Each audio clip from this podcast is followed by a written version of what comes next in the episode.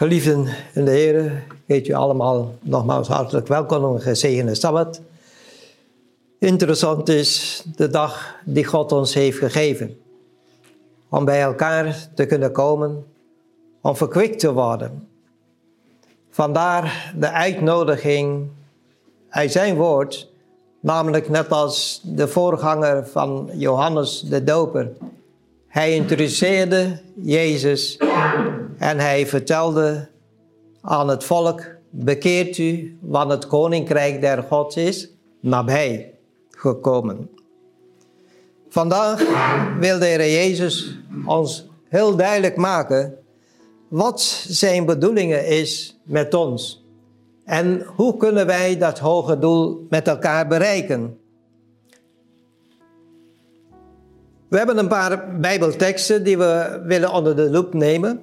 Want het is belangrijker dan wat de Heer tot ons te zeggen heeft. En dat wij steeds beseffen hoeveel Hij van ons houdt. Wij gaan allereerst lezen in 2 Timotheus hoofdstuk 2. 2 Timotheus hoofdstuk 2.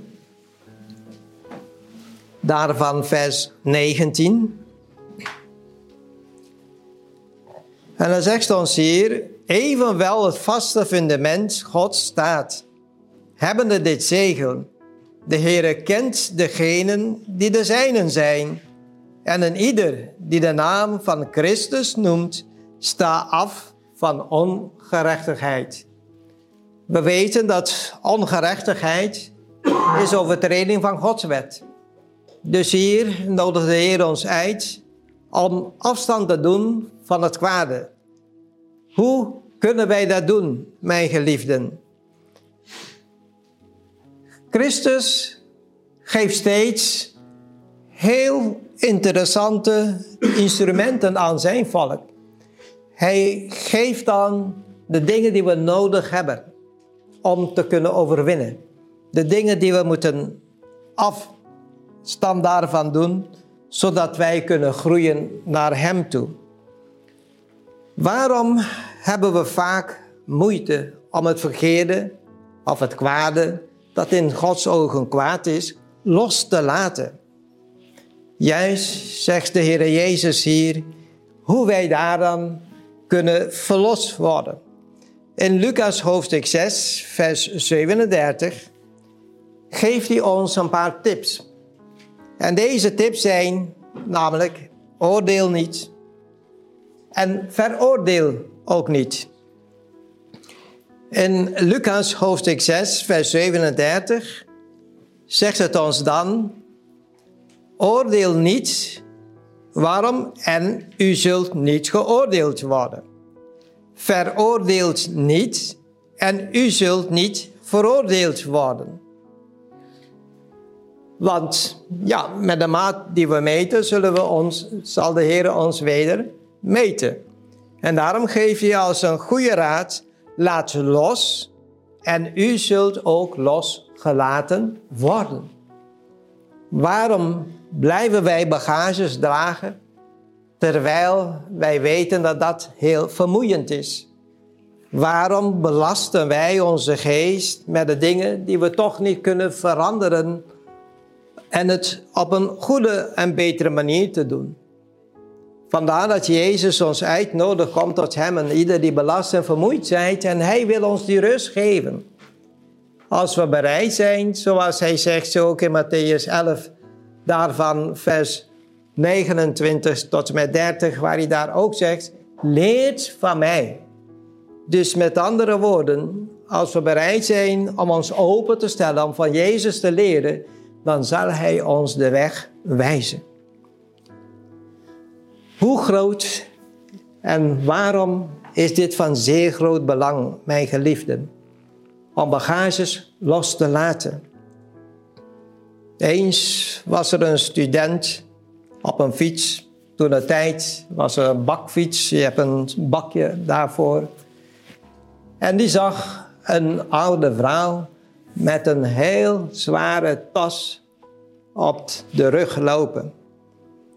En deze student die goed wilde doen, die vroeg tegen de oude vrouw, nou luister eens, Waar ga je naartoe? Is het nog ver? Want ik wil je graag verlichten. Namelijk, ik wil jou meenemen daar naartoe. Maar als u mij uw bagage geeft, leg ik hem op de fiets, in de bak daarvoor, en jij zit lekker daarachter, en dan komen we wel. Maar de oude vrouw zegt, nee, ik ga met mijn eigen bagage, neem ik mee op mijn eigen schouders. Mijn geliefden, hoe vaak heeft Jezus onze lasten willen verlichten, maar wij komen wel tot Jezus, dat is heel belangrijk. Maar we nemen alles wel terug mee. En dan denk je, ja, maar waarom ben ik naar Jezus gegaan? Ik voel me even zwaar. Ik zie het nog steeds niet zitten. Mijn geliefden, het geheim is loslaten. Leggen wij het bij Jezus, dan moeten wij dat daar ook laten. Interessant is dat, ja, door mijn werk met de vele bijbelscursisten. Uh, het is een en al veel strijd die de mensen ondervinden. De een heeft meer trauma dan de ander opgelopen. Maar interessant is dat ze vragen iets en ik kan niet altijd het antwoord geven. Maar ik kan wel bidden en vragen, Heer, als het u wil is dat deze persoon geholpen wordt, geef het woord, zodat deze persoon de verlichting mag ervaren. En de meeste van de gevallen lukt het ook. En wanneer het niet lukt, dan komt het op een latere tijdstip. Maar de Heer voorziet in alle dingen. Vragen is heel belangrijk. Laten wij kijken uh, dat er een ommekeer in ons leven moet gebeuren. Keuzes die we maken zijn heel belangrijk, want dit beslist je lot voor morgen. In 2 Korinthe hoofdstuk 6, in 2 Korinthe hoofdstuk 6, daarvan vers 14. Hier openbaart God u vandaag dat Hij vindt dat u een bijzondere volk is. En dat volk is dat wij moeten leren dat er, er is één manier alleen maar om in Gods koninkrijk te komen, namelijk om afstand te doen van het verkeerde. We lezen hier in 2 Korinthe hoofdstuk 6 vers 14, vorm geen ongelijk span met ongelovigen, want wat heeft gerechtigheid gemeenschappelijk met wetteloosheid? En welke gemeenschap is er tussen licht en duisternis? Mijn geliefden, deze tekst kunt u op twee manieren interpreteren. Maar de juiste is dat God zijn zoon heeft gestuurd om te redden en niet om te verdoemen. Waarin valt dit op? Dit valt op dat wanneer wij kennis hebben gekregen van God, Hij verlicht ons met zijn licht om dat licht te stralen naar anderen toe. Dat betekent dat wanneer iemand op onze pad komt, contacten die je hebt, dat betekent dat God wil aan de slag gaan. Juist moeten wij door onze gemeenschap met Hem, de band die wij met Hem hebben, kunnen wij steeds meer versterken door een goede licht van de Heer te laten weerkaatsen. Jezus komt spoedig terug. Hoe zal Hij mij terugvinden, Heer? Is het dat ik klaar ben? Of dat ik ja, nog steeds bezig ben om vast te houden in deze wereld? We lezen in Efeze hoofdstuk 5, Efeze hoofdstuk 5, daarvan vers 27. Hier zien wij het kwaliteit die bereikt moet worden om met Christus in zijn koninkrijk voor altijd te mogen zijn. Hij zegt ons hier in Efeze hoofdstuk 5, vers 27, opdat hij haar in heiligheid voor, zou, voor zich zou plaatsen, een gemeente, dus de bruid die hij komt ophalen, zonder smet of rimpel of iets dergelijks, maar dat zij heilig en smetteloos zou zijn. Ja?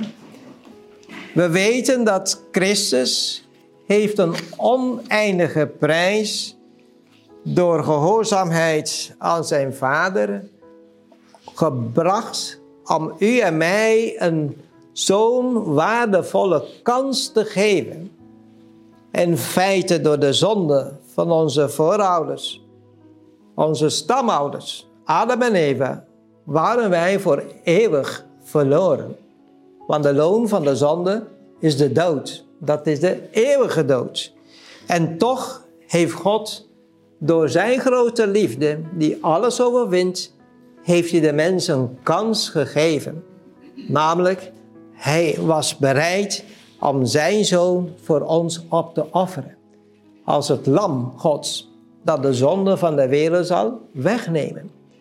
Hoe groot en wonderlijk zijn deze Bijbelteksten en vooral ook centraal gericht. Dat is Johannes 3, vers 16, waar de Heer zo liefdevol naar voren brengt.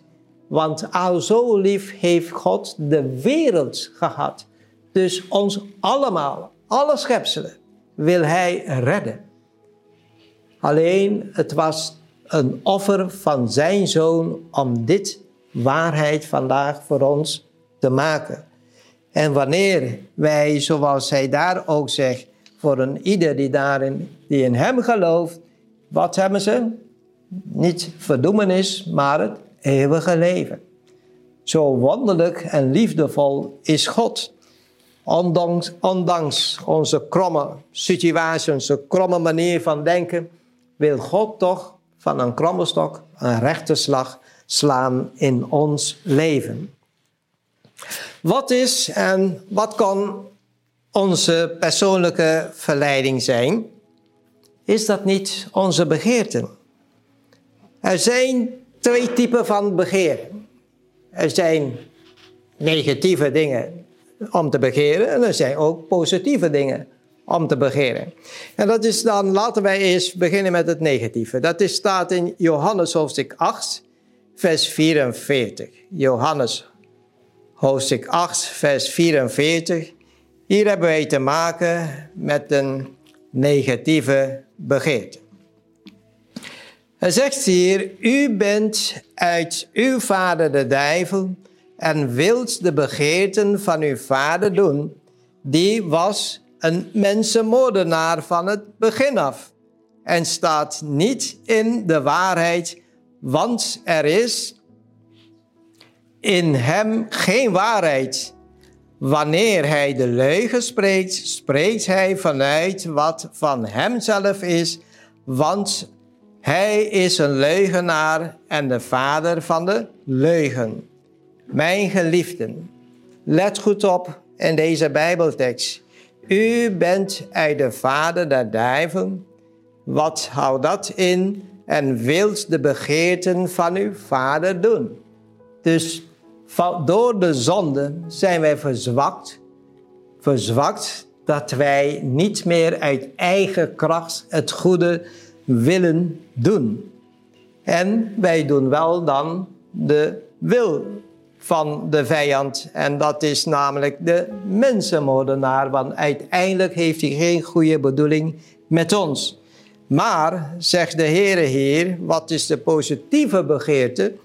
In Filippenzen in Filippenzen hoofdstuk 1 kunnen wij ervaren dat begeerte kan ook een positieve uitwerking hebben. Filippenzen hoofdstuk 1, daarvan vers 23. En zegt ons, want ik word door, twee, door deze twee gedrongen. Ik heb de begeerte om heen te gaan en bij Christus te zijn, want dat is verreweg het beste. Wij worden voor de keuze gesteld. Blijven wij in de begeerte van de vader der leugen? Of willen wij een keuze maken en de dingen van Christus gaan begeren? Er is nog een Bijbeltekst, dat is in uh, hoofdstuk 4, vers 6. Daar zegt het ook. Filippenzen 4, vers 6. Wees in geen ding bezorgd, maar laat uw begeerten in alles door bidden en smeken met dankzegging bekend worden bij God. Dus er zijn negatieve dingen die we kunnen begeren, maar er zijn ook positieve dingen die de Heer stelt dat wij kunnen een keuze maken. En vergeet niet dat de Heer heeft ons een vrije wil gegeven. Dus het is een vrije keus dat wij alsnog voor Hem kunnen kiezen. Daarom vandaag vraagt de Heer ons om een volkomen bekering te ondergaan. Laat los, zodat ook het kwalijke ons kan loslaten. Zoekt zijn koninkrijk en zijn gerechtigheid, want dat is de belofte dat eeuwig zal blijven staan. Wees heilig, want ik ben heilig, zegt de Heer ons. En hij, pardon, en hij is bereid om ons daarin te begeleiden en te helpen om te zegevieren. Kijk niet van wat je niet kan, maar let op. Vraag God voor zijn begeleiding en hulp en de kracht en hij zal dat ook geven. Mijn geliefden, ik ben gekomen met op zijn minst vijf redenen om te beseffen dat de tijd is nabij en wat kan ik daarmee doen. In Matthäus hoofdstuk 5, vers 17 moeten wij als eerste ons beklemmen in het woord van God. Onderschat het niet. Wij hebben het nodig. Het is licht in duisternis. Mijn geliefden, let op de woorden hier geschreven dat Jezus is gekomen om de wet te binden. Namelijk, zegt het hier, denk niet dat ik gekomen ben om de wet of de profeten af te schaffen. Ik ben niet gekomen om die af te schaffen, maar om die te vervullen. Als God de mogelijkheid had om de mens toch een kans te geven zonder zijn wet opzij te zetten, had hij dat gedaan. Maar het is onmogelijk. Zijn wet is de weerkaatsing van zijn karakter. Hoe kan iemand zijn eigen karakter opgeven? Vandaar dat God dat ook niet kon en hij gebruikte dit deel, kunnen we rustig zeggen, dit troef wat Satan niet erop had gerekend. Dat Jezus zou tussen de mens en de Vader komen. En vandaar dat Jezus zegt, ik ben gekomen om de wet te vervullen. Hij ondervond de dood, omdat de overtreder van de wet is de dood. En hij heeft het overwonnen en daardoor hebben we de kans om vandaag te overwinnen. Mijn geliefden, Christus is niet gekomen voor de rechtvaardigen. Laten wij dit duidelijk brengen in de wereld. Want soms denken de mensen, ja, ik, we zijn naar de kerk gegaan, maar ja, ik was zo bang, of noem maar op, omdat er zijn alleen maar heilige mensen daar. Absoluut niet. Ik noem nog steeds de gemeente een ziekenhuis. Daar tref je van alles nog wat, alle mankementen. En er is maar één geneesheer, dat is Jezus Christus. Laten we kijken wat hier staat beschreven. Dat Jezus is niet gekomen voor de rechtvaardigen. In Matthäus hoofdstuk 9, daarvan vers 13. Matthäus hoofdstuk 9, vers 13. Hier zegt het ons heel duidelijk het doel waartoe Jezus is gekomen. Maar ga heen en leer wat het betekent. Ik wil wat barmhartigheid en geen offer. Want ik ben niet gekomen om rechtvaardigen tot bekering te roepen, maar zondaars. Waarvan de apostel Paulus heeft gekenmerkt, ik ben de voornaamste, mijn geliefden. Als wij steeds dichter tot Jezus komen, dan ervaren wij een warmte, een liefde, dat je weet, het is inderdaad genade. Ik heb het niet verdiend, Maar God heeft een weg voor mij gebaand. Er is nog een Bijbeltekst hier om duidelijk te maken dat Jezus is ook niet gekomen om vrede te scheppen zoals vele mensen denken. Mijn geliefden, hij zegt hier in Matthäus hoofdstuk 10, Matthäus hoofdstuk 10 vers 34. Hier zegt het ons, denk niet dat ik gekomen ben om vrede te brengen op de aarde. Ik ben niet gekomen om vrede te brengen, maar wel het zwaard. Is het ons niet opgevallen dat vooral in deze periode, hoe meer je probeert de wil van God te doen, je wordt tegengeschreven. Je ondervindt moeilijkheden. En daarom moeten wij ons steeds meer aan Jezus vastklemmen. Dit zijn de dingen wanneer wij dichter tot God komen en wij willen niet meedoen met hoe de wereld ermee omgaat. Alles is vrij, alles mag, alles kan. Terwijl ze willen wel allen gered worden. Zo werkt het niet, mijn geliefden. Er is een plan van God. En dat plan heet het verlossingsplan en God heeft een bedoeling. Hij wil een nieuwe hemel en een nieuwe aarde scheppen, waar geen ongerechtigheid meer is. Mijn lieve mensen, een vierde punt hierin is dat wij niet moeten oordelen. Hoe belangrijk is dat? In Johannes hoofdstuk 12, Johannes hoofdstuk 12, daarvan vers 47. Hier openbaart de Heer zijn eigen woorden. Hij zegt hier, en als iemand mijn woorden hoort en niet gelooft, veroordeel ik hem niet. Waarom?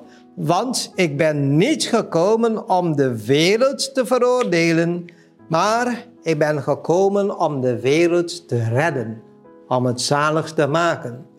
Dus wanneer wij het evangelie hebben ontvangen, zoals we weten wat betekent het evangelie, het is een blijde boodschap.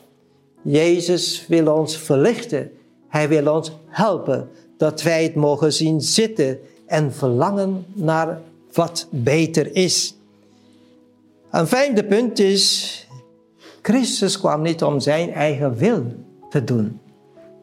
In Johannes hoofdstuk 6, vers 40 openbaart hij dat ook. Johannes hoofdstuk 6, vers 40. Hij zegt hier, en dit is de wil van hem die mij gezonden heeft, dat ieder die de Zoon ziet en in hem gelooft, eeuwig leven heeft. En ik zal hem doen opstaan op de laatste dag. Met andere woorden, strijd de goede strijd des geloofs. Hou vast aan Jezus. Wij hebben elkaar nodig om elkaar te bemoedigen op de weg. Maar één ding is het, de zaligheid is persoonlijk, namelijk bekeert ons. Laten wij en ieder ons bekeren, zodat wij Gods rijk waardig mogen geacht worden. Want Christus komt spoedig terug. Mogen de Heer ons zijn liefde schenken en onze harten vullen, zodat wij meer dan ooit van Jezus willen getuigen. Want zijn liefde is voor eeuwig en Hij wil ons redden. Hij schenkt ons dat in genade. En laten wij openstaan voor de stem en het werk van de Heilige Geest. Mogen de Heer ons daarbij helpen, is ook mijn wens. Amen. Amen.